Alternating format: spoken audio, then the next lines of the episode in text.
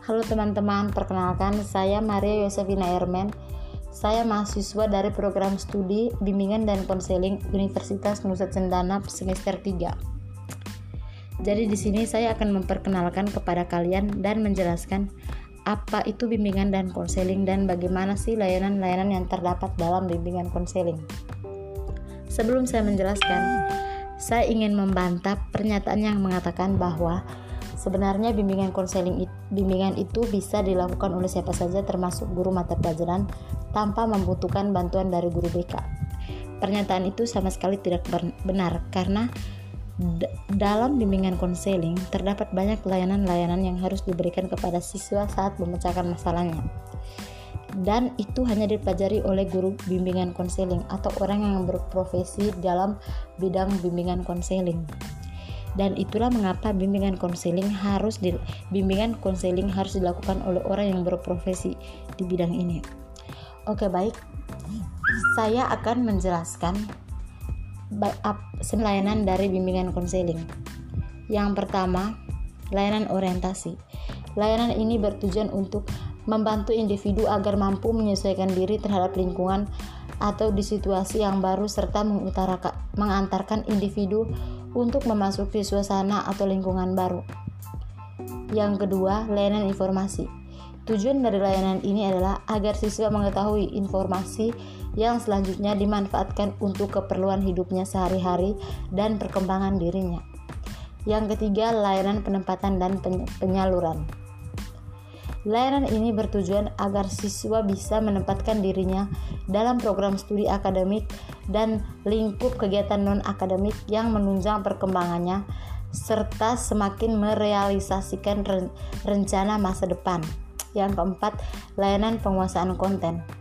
Tujuan dari layanan ini adalah agar siswa menguasai aspek-aspek atau konten, kemampuan atau kompetensi tertentu secara integrasi yang berguna untuk menambah wawasan dan pemahaman, mengarahkan penilaian dan sikap, menguasai cara-cara tertentu dalam rangka memenuhi kebutuhan dan mengatasi masalah-masalahnya.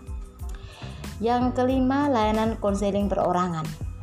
Tujuan dari layanan ini adalah agar klien memahami kondisi dirinya sendiri, lingkungannya, permasalahan yang dialami, kekuatan dan kelemahan dirinya sehingga klien mampu mengatasinya. Yang keenam, layanan bimbingan kelompok.